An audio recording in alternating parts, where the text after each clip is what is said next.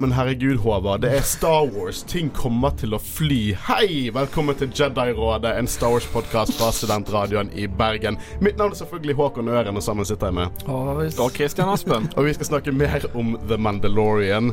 Vi skal snakke om episode seks, The Prisoner, regissert av Rick Famua. Jeg tror jeg klarte det litt bedre denne gangen enn første gang. jeg For han, det var jo samme person som lagde episode to, uh, The Child. Men denne gangen så får vi en litt ny en annen tone på hans verk enn det vi hadde i The Child. Dette her er ren filler. Det er ikke noe annet å si. Dette er ren filler. Definisjonen av filler. Det er definisjonen av filler, men i min mening så er det god filler. Så I don't care. Jeg virkelig digger denne episoden. Første gang jeg så han, så likte jeg han ikke i det hele tatt, fordi jeg følte det var bare filler, og det er en del kjente skuespillere med i serien, og det tok meg litt ut, av en eller annen grunn. Det var liksom Jeg, jeg så bare Bill Burr i Space. Bill Burr har jo spilt i så mye. Han spilte jo Breaking Bad. Ja, ja, jeg vet ikke. Det er Bill bare, Burr i Math, jeg, det bare eh, Space. jeg liker han bedre nå, uh, fordi jeg har Fikk på en fordøyet måte den litt. Jeg har fordøyd han litt, og jeg har innsett at det er filler, og jeg kan ikke For det er greit at det er filler av og til. Det er litt greit av og til. Eh, Sånn, jeg, jeg likte ikke forrige episode så veldig godt, og det var bare filler. Og dette her er like mye filler, men jeg syns denne episoden er veldig gøy. Jeg liker tonen, eh, jeg liker sidekarakterene, i hvert fall mesteparten av sidekarakterene. Eh, det er noen jeg syns er litt over the top, men ellers syns jeg det Og musikken i denne episoden. Det er litt annen, litt annen spice på musikken. Det sånn, dette føles som en Sons of Anarchy Star Wars-episode. Kanskje litt fordi at eh, vi har en skuespiller som er fra sånn som Anarchy, men bare det, det var underverden, mørkt. Litt innsikt i eh, bakhistorien til eh, The Mando, og hvordan han kanskje har endret seg som karakter. Og jeg har noe, har noe å si på det. Men uten at jeg på en måte Eller vi driver og maser mer om overflaten av Mandalorian, så la oss snakke om selve episoden. For vi skal snakke om The Mandalorian chapter 6, The Prisoner.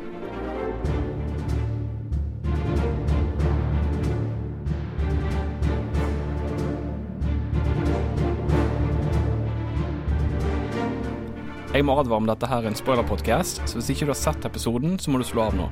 So this is a spoiler, huh? I thought they'd be bigger. Tiny. I love it.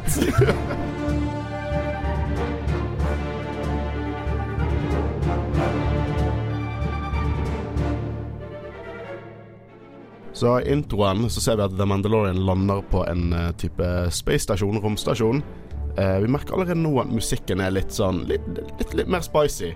Litt annen tone, selv om det er den klassiske Mandalorian-musikken som er klassisk etter seks eh, 30 minutters episoder. Men eh, det er litt annerledes. Og jeg, la merke til en ting her. For det at eh, Mandalorian lander. Han begynner å gå innover stasjonen, og du, du ser på en måte kameraet litt over skuldrene hans. Du ser at folk snur seg, stopper opp og snur seg og ser på han, men alt er ufokusert, bortsett fra Mandalorian. Og det er kanskje at jeg trekker litt etter strå her, men jeg føler dette på en måte representerer eh, noe. Han på en måte blir kjent igjen her, men han kjenner ikke igjen sitt gamle liv. Ja, det kan jeg gi mening det, fordi vi får jo vite mye i denne episoden om fortiden hans. Eh, og han var jo med Ikke bare kjenner han kanskje ikke igjen sitt gamle liv, men mye må jo ha skjedd siden han har vært der òg. Ja, jeg vet ikke, jeg tror det er Jeg vil nå tro at det er hele denne situasjonen med Baby Yoda som har drastisk endret ham på relativt kort tid. Eller det har jo gått en stund nå, men Ja, for det er vel mye av minnene han ikke vil huske òg. Ja, for det, han, det, det, det hinter til at han har gjort mye Han har gjort mye shady. Sånn senere så eh, drev han og holdt på med et crew, og han likte å kalle det target practice, og eh, Han har gjort mye bad, høres det ut som. Så han prøver liksom å presse det ut. Han vil liksom ikke huske det egentlig. Så, Men så hvorfor kommer han hit nå? Hvorfor, hvorfor, er det penger? Er det det jeg tolker? At han trenger bare penger? Akkurat det er en av grunnene til at jeg ikke likte den episoden uh, til å begynne med, fordi det var på en måte bare Plutselig bare begynte han, helt ut av det blå. Det var ingen motivasjon, ingenting. Og uh, det skulle ikke mye til hvis de bare hadde sagt uh, We need money. Ja, men, Så, men I have Treng- må jo tolke at Dette er jo helt klart ikke The Guild, sant? Og The Guild er jo mer organisert. Det er jo nesten si at The Guild er liksom sånn den riktige måten å være dusørjeger på, mens dette her er på en måte en mer shady underverdensmåten. Denne måten får du på en måte her, her blir du betalt svart for å fikse opp badet til en kompis av deg. Det er egentlig mer det episoden jeg ikke liker med det. Liksom At det føles umotivert, og det er akkurat som om manusforfatterne bare OK, vi må ha han på dette skipet her. Vi bryr oss ikke om hvordan han kom der, men han er der. Du Syns ikke det er en grei nok motivasjon at han trenger penger? Jo, Du vet jo hvordan men- han var i forrige episode. Skipet han så jo ikke ut, og de snakker jo om det nå, at skipet er helt jævlig. Bortsett fra at det er gammelt, og det er derfor de kan bruke det til oppdraget. Ja, men I The Guild så hadde han jo på en måte trygt, Ja, en trygt arbeid, for å si det på Ja. den måten, der, men nå som han er ute av The Guild, så må han jo på en måte finne seg andre muligheter for å tjene inn pengene for drivstoff. Ja, er det det jeg tolker ut fra det? Nei, de sier ikke det til meg, men jeg, det- jeg syns det er troverdig at han, det er derfor han kommer hit. Og han sier en kommentar på slutten av episoden Han sier sånn at det var ikke en god idé til Baby Yoda uten å hoppe for mye fram, da, som kanskje hinter litt til at ja, han det, Han var litt usikker på dette her, og det var sånn last resort-ting. Men uh, han går nå inn der, uh, og han uh, møter Rancer Ran Mark, spilt av Mark Boone jr., eh, også kjent fra Sons of Anarchy. Og han, eh, han spiller en ganske unik Star Wars-karakter. Han er nesten som Han er nesten som en Sons of Anarchy-karakter, bare i Star Wars. Ja, jeg tror jeg aldri har sett så mye skjegg i Star Wars. det er sant. Og jeg liker hvordan han har sånn gatesnakk. Mm. Bare Star Wars. Jeg liker hvor seriøst han tar det. det han, er så, han er en så troverdig karakter. For det er liksom Enkelte skuespillere, spesielt i episode fem var sånn, De begynte å snakke om Star Wars-lingo, så var det litt sånn eh, Dette er super-cheesy. Og det han sier er like cheesy, men jeg tror på det. For skuespilleren går full inn. Han er en kriminell i Star Wars-universet og bare går full inn på Star Wars-lingoen og eh, snakker oh, 'Run with the crew', 'We lost one of our assets', bla, bla. Jeg syns det er kjempekult. Um, vi får nå vite litt mer om, eh, om resten av crewet. da Vi møter Bill Burr, som spiller Mayfield. Mayfeld. Og det som er morsomt, er at Bill Burr er jo standup-komikeren. Og han er ikke noe stor Star Wars-fan. Han er ikke det at han hater det, men han snakker mye ofte, ofte om at sånn Han kom for seint til det. Og han synes ikke det er noe bra. Han synes det bare er cheesy og teit, og han er god venn med John Favreau, så eh, han fikk en telefon av John Favreau. Det var sånn 'Hei, jeg har lyst til å spille i Star Wars-serien min.' Og han bare sånn 'Kødder du med meg?' Du vet, du vet hva jeg synes om Star Wars. Han sa ja, ja, men det kan gi fansene dine et kick. Du er med i Star Wars. Liksom ironisk. Så han er med i Star Wars. Han spiller Mayfeld, og jeg, eh, Mayfeld er en gammel keiserlig sharpshooter. Som eh, er på en måte grunnlaget til en veldig morsom dialog mellom han, og Mando. For han er ikke en stormtrooper. Eh? Wise ass! Han er fra Boston. Han snakker Boston. Og det er et annet ting jeg har lyst til å snakke om. Hvorfor klager folk over at han snakker Boston-aksent? Ja, det er å snakke veldig mye britisk aksent. Ja, hvor kommer det fra, da? Hvorfor tar Trade Federation og snakker Japanese? Og hvorfor er Watto en uh, jøde fra New York? Det er liksom Klager folk på dialekter? Ja, hvis du trekker i den, i den tråden der, så går hele genseren som er Star Wars fra hverandre. Hvordan snakker noe noe vi skjønner at all? Come on! Få hodet ut av uh, vekttuben. uh, det vi glemte å si tidligere, var jo det at uh, Ran trengte jo Mando sitt skip, The Razor Crest. Og jeg, han forklarer mer hvorfor han trengte det skipet til denne jobben tid, eh, senere. Men jeg liker at, eh, at eh, Mando sier å det var ikke del av planen, hele pakken. Og så begynner Rand å sånn tolke fjeset til Mando som bare en hjelm. Bare, er det takknemlighet jeg ser? Ja, jeg tror det er takknemlighet. Jeg synes det er kjempegøy. Jeg synes bare dialogen der er kjempe... jeg- Tonen i denne episoden, jeg digger det. Um, vi får også en spøk om at uh, Razor Crest ligner på en Canto Bite slot-maskin. Ja. Denne episoden er veldig meta til tider. Den er det. Vi får sånn Gungan-spøk senere. Og en Misa doesn't like et eller annet sånt uh, Helt klart en liten spøk mot Jar Jar, eller Gungan generelt. Da. Men resten av crewet det er, dette, Denne episoden er sånn sin Dungeon and Dragons. Jar, har jeg sett denne episoden her? Ikke Jar, Gungan, da. Ja jo, men han sier en quote fra Nei, han sier sånn der oh, Misa have ugly face, et eller annet sånn. husker ikke- Det husker jeg ikke. Ok. Hvordan husker du det? Hvordan er det sier det. mulig? Eh, men resten av crewet, da. For dette er altså også i Dungeon and Dragons. Du har Berg, som er Deveronian, spilt av Clancy Brown, som har mye erfaring med Star Wars eh, stemmeskuespill før. Og han er liksom the tank, the big guy. Stor rød djevel. Så er du Zero, eller Q9 slash O, som en droid. OK, Zero, Q9 Zero, Q9 Zero. Det er Q9 Zero som er hele navnet. Man kaller han Zero. Som er ganske kult design. Han er som en uh, insektmann. Og praktisk, bortsett fra beina som er CGI. Og det er igjen det der eh, blande litt praktiske og eh, digitale effekter for å gjøre det enda mer ekte. Hvem er det som er inni der? Det er Richard Iodi. Ja, Er det han som er IT Crowd. inni og uh, Jeg vet ikke om han er inni der, Ja, det har han- vært så kjekt, fordi det ser så gøy ut, måten han liksom bare beveger seg Jeg håper det. For han, det er, han som på en måte er i drakten, gjør en veldig god jobb på å være veldig sånn robot, robotisk. Mm. Uh, og IT Crowd-fyren er også det, det er morsomt med disse kameoene, syns jeg. Og det er en annen kul ting. Han har en EE3 blaster rifle. Og det er jo Boba Fett sin blaster rifle. Så en liten referanse der også. Og han er på en måte Hva kan vi kalle han i DND? Han er liksom the tech guy. Liksom ikke De er sånn support. Og så har du The Rogue. Cyan. En Twi'lek spilt av Natalie, Natalia Tena fra Harry Potter og Game of Thrones-fame, blant annet masse annet. Ikke Portman, altså. Du ja, spøk på jeg syns- navnet hennes. Jeg syns jeg sa Natalie, så tenkte jeg bare Ja, jeg tror du hadde husket om Natalie Portman spilte i denne episoden.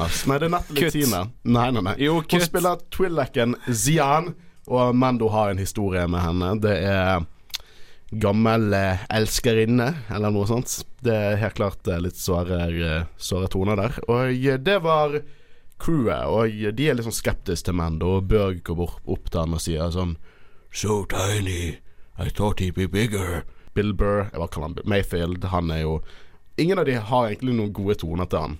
Og Mando er jo veldig usikker på at en droid skal styre skipet hans, fordi at de skal få tak i en fange fra en, eh, et New Republic-fangeskip, som jeg syns er et veldig awesome eh, konsept. Fordi at vi har ikke fått sett så mye av The New Republic. Vi har fått hørt litt om det. Ikke sett så mye. Nå får vi liksom litt mer Jeg tror ikke denne serien kommer til å gå dypere inn på sånn kjerneverden og sånn, men hver gang de hinter til den nye liksom, regjeringen av galaksen, så syns jeg det er fascinerende. Eh, og dette skipet er styrt av droider, og det jeg syns var litt interessant, da, er jo det at vi snakket jo om i eh, Force Awakens om hvordan politikken var i galaksen etter episode 6. Hvordan de kuttet ned på hæren sin.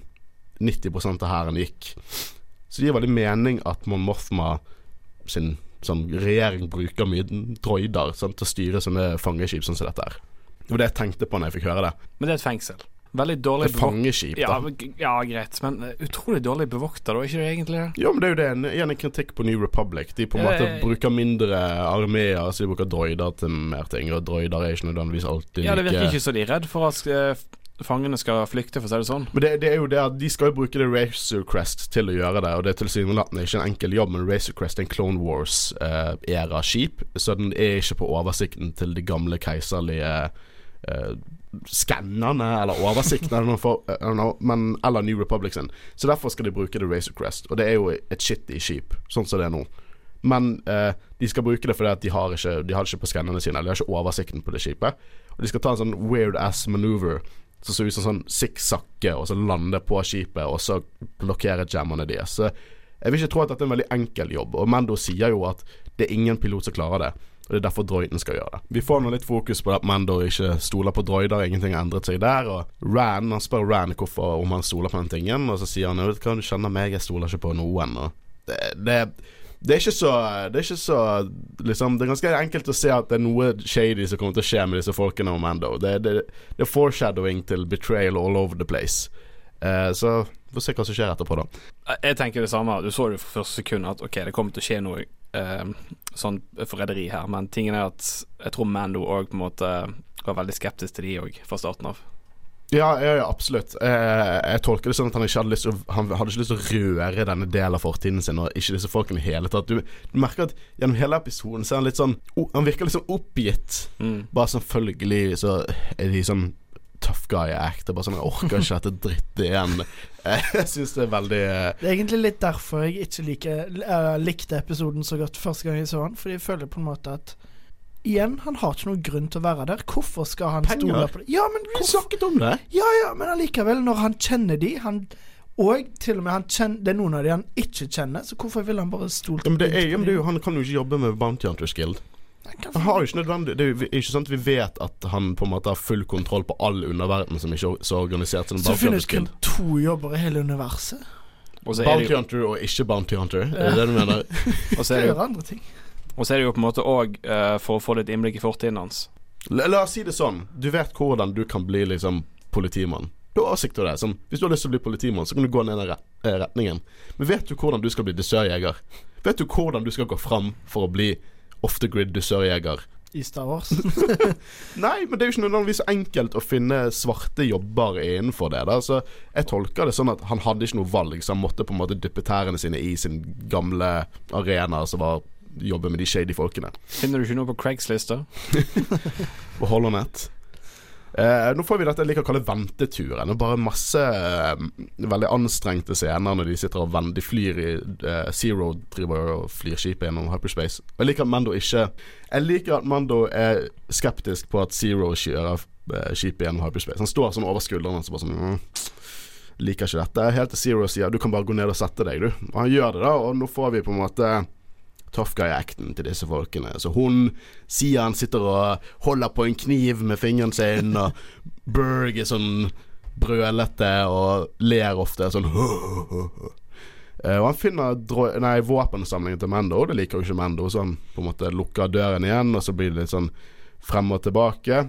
Uh, og uh, Berg sier jo sånn De begynner å snakke om sånn Hvorfor trenger vi Mandalorian? Og visstnok er de beste krigerne i galaksen. Eh, og jeg, Berg han lurer jo på hvordan eh, Mandalorian skal være de beste krigerne i galaksen hvis alle er døde. Det er et godt poeng. Sian eh, snakker jo noe om sånn for de begynner å probe litt inn i fortiden til Mando. Og sier, hun sier det at Spør han om jobben på Alzog, og da er det sånn I did what I have to do, but you enjoyed it. Veldig tropy, men jeg liker det. Eh, og det er helt klart det for, vært et forhold mellom Sian og Mando. Jeg har nesten lyst til å si at de to har vært uh, uh, Space Space, Mm. hvis jeg skal kalle det det. Så begynner vi snakke han, Har han tatt av seg hjelmen? Å nei, eh, a girl never tells og sånne ting. Så jeg tror de har hatt et forhold der han har aldri tatt av seg hjelmen. Uans, uansett liksom, til, ulike, til ulike ting man gjør i et forhold, når man har liksom de mer intime støene sine, og han ligger i den sengen og snugler en hjelm på.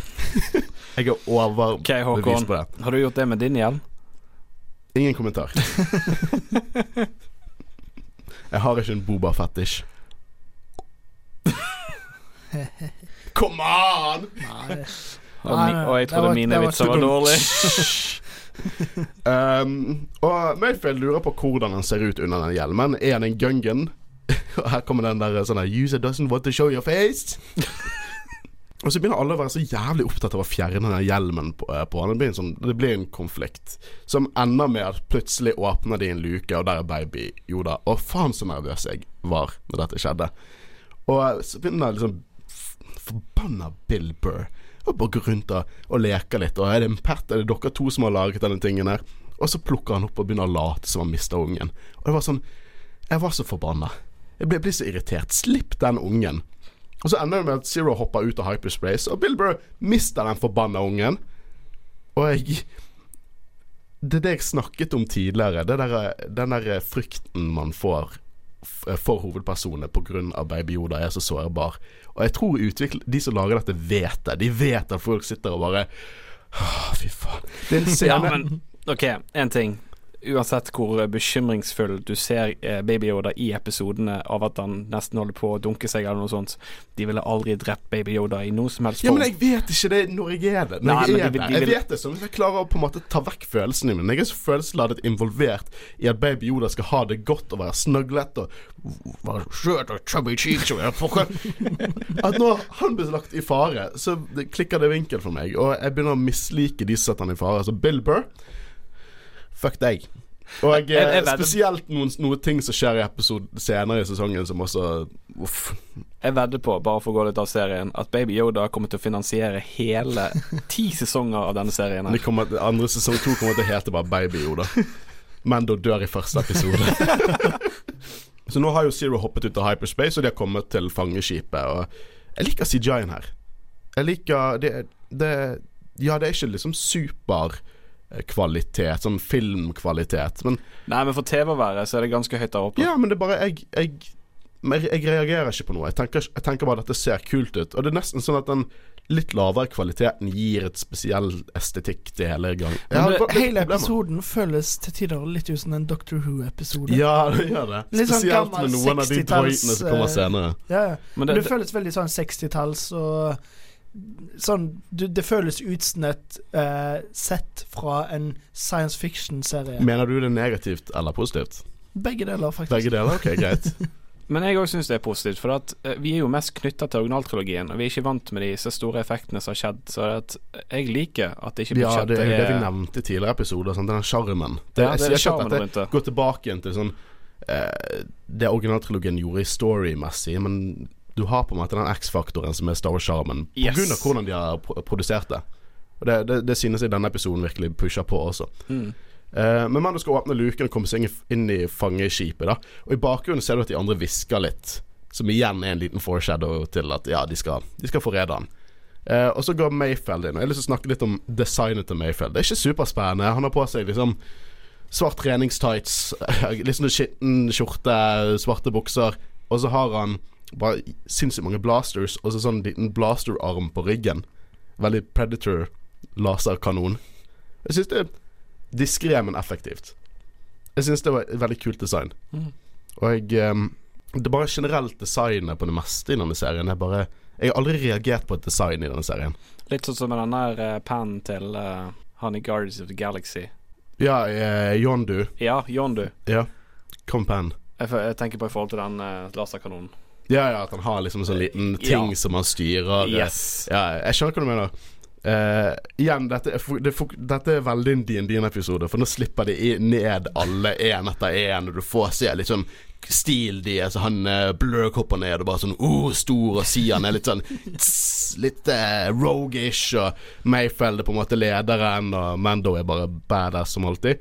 Uh, og jeg liker veldig godt looket på dette skipet. Det minner litt om, om TNTV4, men litt mer kantete. Kan du si kantete? Det er liksom ikke rett ut, det er ikke rett den hallwayen, men det er bare Du merker at det har lignende legacy, på en måte. Det kommer fra samme eh, organisasjon eller faction som Tantiviv kom fra. Det gjør det. Det er jo New Republic-skip. Eh, og eh, de går forbi masse fangehull. Her ser vi en praktisk Ardenian. Jeg har ikke sett det praktisk før. Kun sett det som CGI i solo av Star Wars Story, fordi at eh, Rio Durant, spilt av John Favreau, var en sånn firearmet uh, alien, og det får vi se her første gang praktisk. Jeg syns det er veldig gøy. Eh, og så begynner de å bantre litt, da. Eh, og de, de sier sånn 'Å, Mando, du var alltid så nervøs', og så sier uh, Mayfield 'Å, var du alltid så nervøs?' Men så blir han skremt av en Det er romvesenet som skremmer han. Det ser ut som en halloween-maske. Det Jeg ser tar ut som, tilbake. Der er eh, det dumme designet. det ser ut som uh, han der eh, Chunk, eller uh, Han der i The Goonies, vet du, han med det der fucka Hey you guys! Han. Og så sånn hylelyd. Det bare virker kjempe Der, der føles det som en sånn 60-talls uh, sci-fi-serie. For det er helt klart sånn OK, vi må, vi må ta denne backup-masken og så bare gi det til en eller annen eh, statist bak der. Sånn hylelyd. Det ser ut som en ork, men det kommer en sånn hylelyd. Det, det er kjemperart. Og skremmer Mayfield. Veldig cheesy, men ja, ja. Berg dreper jo en mouse- mouse droid. Kaller den mouse, jeg bare dreper den. Og eh, så dukker jo security droids opp. Og jeg har lyst til å snakke om disse security droidsene. For at dette er kult nytt design som samtidig henter litt for fortiden. For jeg ser litt K2SO, litt K2SO der inne.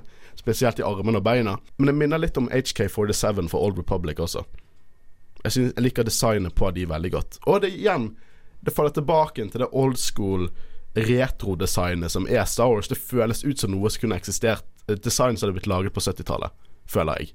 Og Jeg snakket jo nettopp om New Republic, mindre her, selvfølgelig bruker de Security Droids, men det er noen problemer her med design. For New Republic bruker ikke opprørerinsigniaen. De bruker det omringet av en sol som står oppover. Så, så de har rebellsymbolet Ja. i tillegg til noe annet. Ja, men de har, eh, nå har de droidene her har bare rebellsymbolet, men eh, New Republic-symbolet er litt mer intrikat. Men jeg tenker sånn et, et, et, Folk mener at det er en plot hole. Og jeg vet ikke om jeg vil kalle det plot hole. Det symbolet til New Republic er veldig intrikat og stort, sant. Og det, det er fortsatt går an å bruke forskjellige design, men det er fortsatt samme De bruker fortsatt Rebellion, liksom, Phoenixen, i, i det. Det er bare mer der. Så jeg, jeg Folk kan kalle det et lite plot hole. Jeg tenker bare sånn Ok, det er for en realistisk La oss si at disse drøyene kanskje er litt eldre, da. Kanskje de ble produsert før det flagget ble skikkelig produsert. Hvem vet. Ikke at det plager meg. Jo, jeg ser det på deg. Ja. Mando går full badass på dem, da. Selvfølgelig sånn Å, vi visste at Mando kom til å løpe vekk. Han er ikke her lenger, så bare går han full badass. Og, og vi ser også igjen at Sian prøver Så det er liksom prøver å kaste en kniv på han, men Mayfeld stopper han igjen, foreshadowing, og awesome action. Jeg skal ikke til å se det, den kampscenen er dødsbra. Hvordan han bare sånn Han slider på gulvet. Og han blir på en måte litt pushet ned til tider. Igjen at vi snakker om hvorfor han er badass, for det er så troverdig. Og det jeg liker best, men det er ikke kampen, men det er hvordan han kaster litt sånn disgusted vekk plasteret når han er ferdig. Det bare, jeg synes action i denne episoden var on point. Action i hele serien er on point. Og så, Hva er replikken han sier til Mando etter han er ferdig og tatt ned alle? Er det noe sånt så Not bad, eller noe sånt? Så det er sånn Rydde opp rotet ditt. ja, ja, clean up your mess. uh,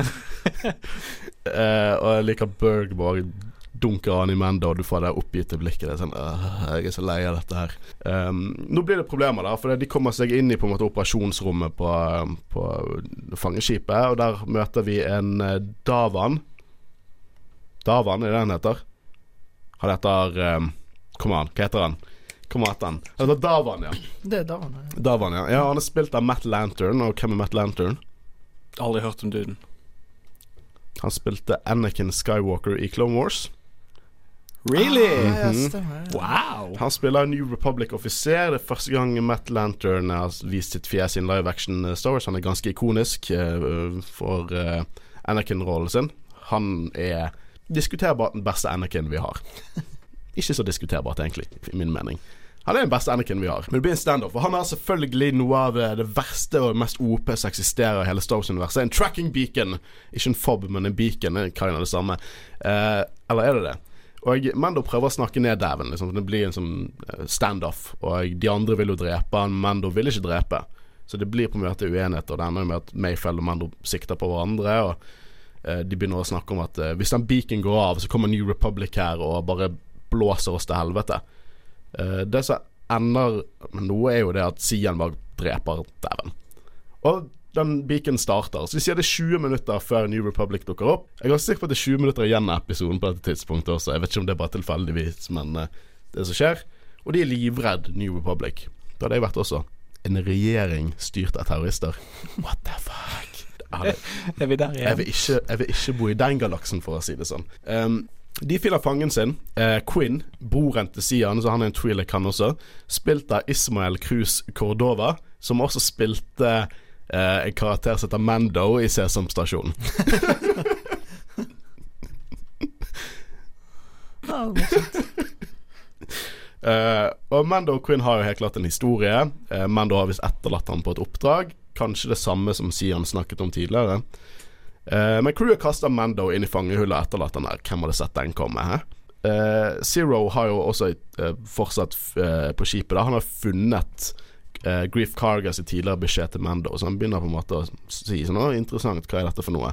Eh, og vi vet alle hva det betyr. Og nå endrer tonen totalt i denne serien. For det begynte med sånn heist, DND-greie. Nå er det en Predator-skrekkfilm. Fordi at eh, Mando tar jo brutalt og dreper en droid og bruker avkuttet arm til å åpne døren. Går inn på operasjonsrommet på skipet, lukker dørene, slår av lyset og blokkerer all transmissions. Det er full horror mode. The Mandalorian jakter på de, den gjengen med tapere. Og og han er skikkelig, skikkelig god til det. ja. Fy søren. Det det synes jeg er kult med denne episoden. For den bare Det er nesten, det er nesten to episoder i en episode. I hvert fall med tone og hvordan ting går ut. Jeg, bare, jeg synes det er en skikkelig underholdende episode. Det er en liten historie. Det er veldig Monster of the Week, men jeg synes den er kjempeunderholdende. Musikken og alt Den gir oss liksom noe nytt innad noe nytt, hvis du skjønner hva jeg mener. Eh, Det ender med at Quinn og Mayfell er separert fra de andre, da, og Quinn er liksom sånn 'Å, få meg av dette skipet. Jeg driter i søsteren min. Å, for en stygg familie du har. Gi meg mer penger.' hele pakken fram og tilbake.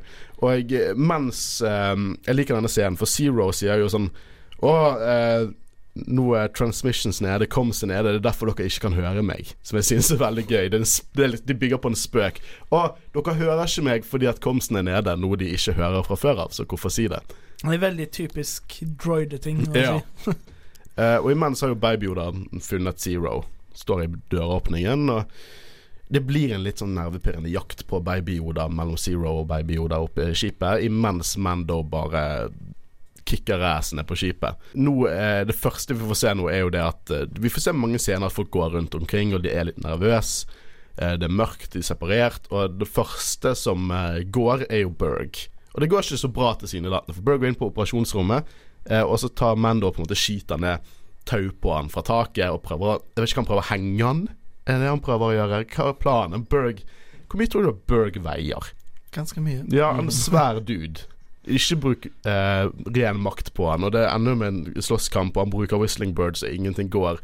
Og Deveronians er visst er visst bokstavelig talt Satan, fordi bare flammesikker.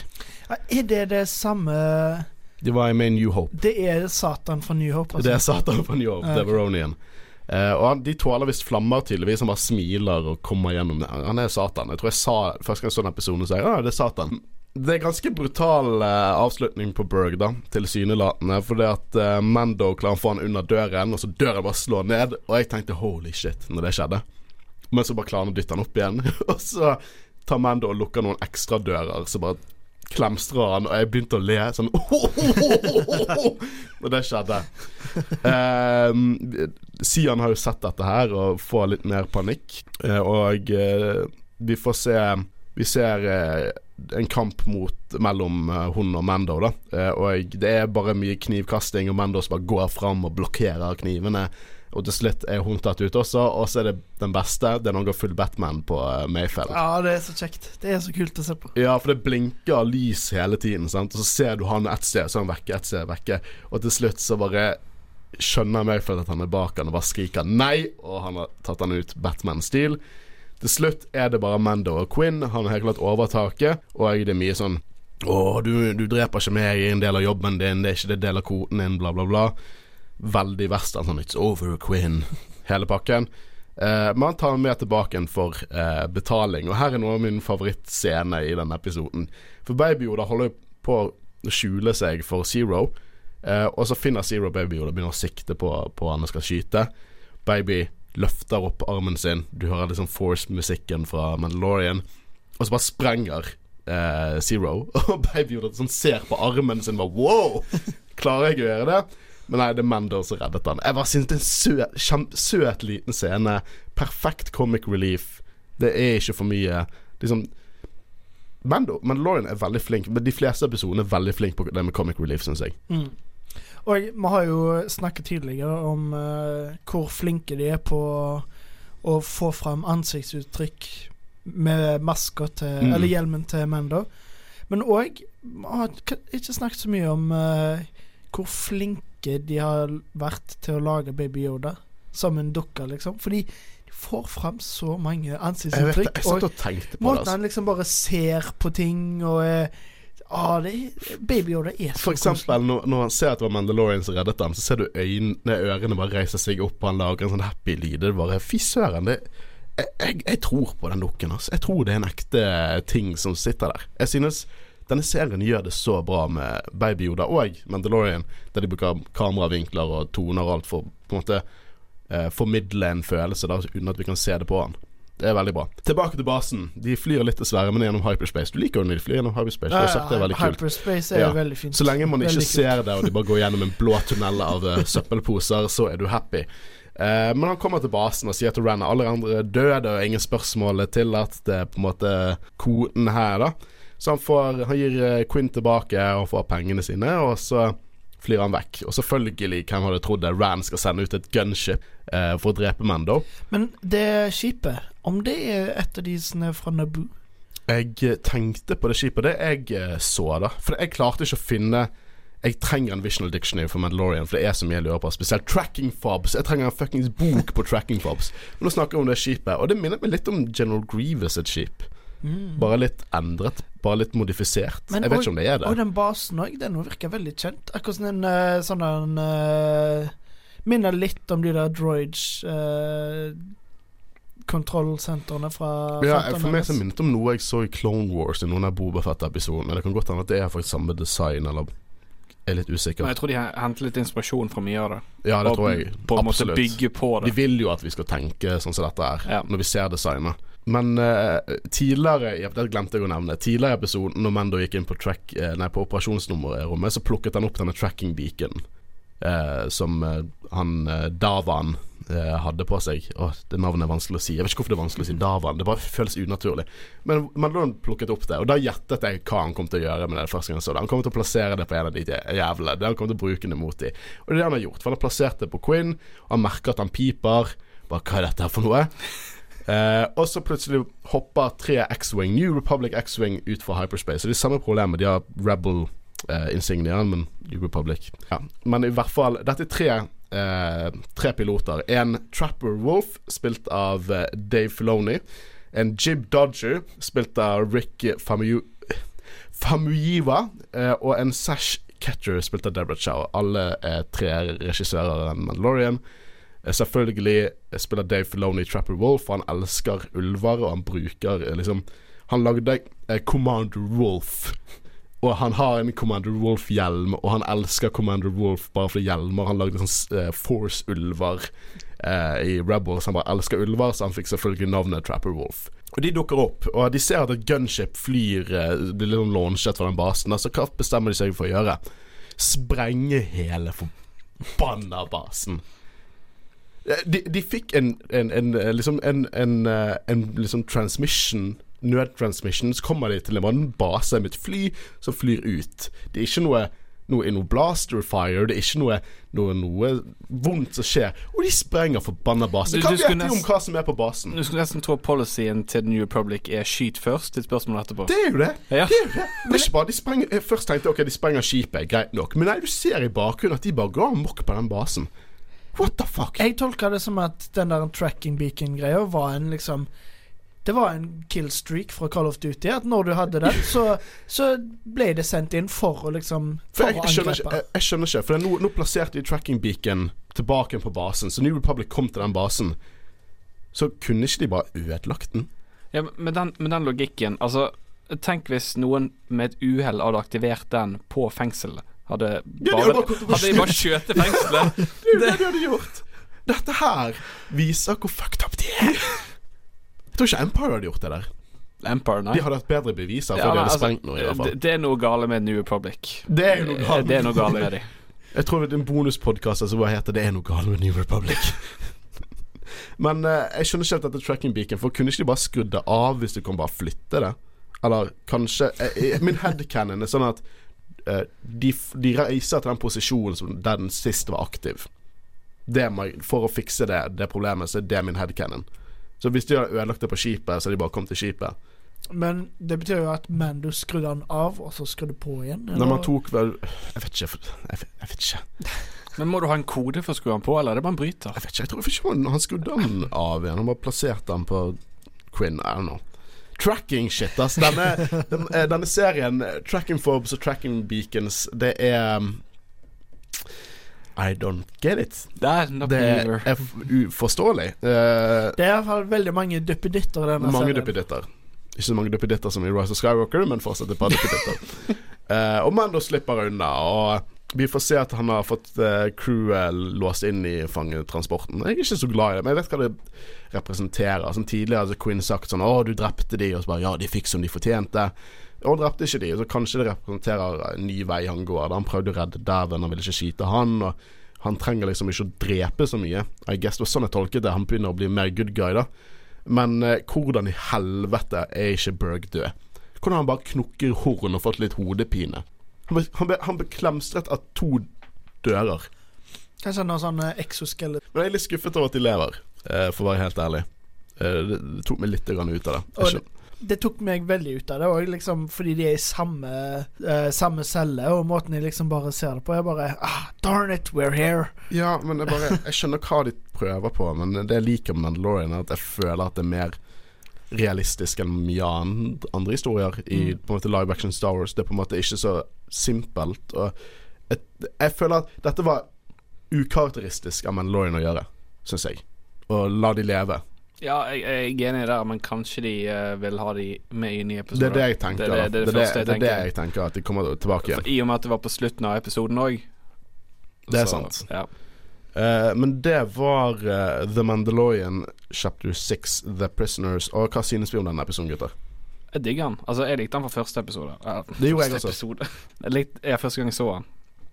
Jeg digger hele Prison Escape-greien, jeg. Ja, jeg synes det, jeg synes det er som sagt filler, men jeg digger den episoden. Jeg digger tonen, jeg digger eh, de fleste hoved, eh. Bare det, er, det, det, bare, det var en bare skitten kriminell episode. Du fikk mer innsikt i Underworld, du fikk litt mer innsikt i New Republic. Jeg digger det. Jeg, jeg synes dette var Det er sånn de bør lage fillers. Jeg synes ikke de bør lage fillers, men det er sånn de bør lage fillers. Ja, og fordi du får mer eh, kjennskap til hva Mando gjorde før. Ja. Som jeg sa tidligere, så, så likte jeg ikke episoden første gang jeg så den, men det var egentlig mest fordi det var på en måte da jeg virkelig innså at OK, de, har, de lager filler-episoder òg. Og jeg begynte å liksom det, var, i denne episoden jeg virkelig begynte å savne et litt sånn veldig serie-serie, og ikke Mm. bare episodebaserte serier. Men som en enkeltepisode så funka veldig bra. Altså, det er en god episode. Jeg bare savner litt mer overhengende historie på meg. Jeg skjønner hva du mener. Jeg, jeg, liksom, det, det er et godt eh, poeng å ta opp, for jeg synes at OK, fillers er helt greit i serier. Fillers Av og til trengs filler. Men når du lager en serie på åtte episoder, så har ikke du råd til en filler. Du, egentlig har ikke du råd til filler, syns jeg. Åtte episoder. Hvis dette var 15 episoder, ja ja, of course, men ikke åtte episoder. Og så er det det at main storyen ikke skal bli dratt ut for mye heller. Mm. At de skal holde seg til det som gjør det mest interessant. Ja.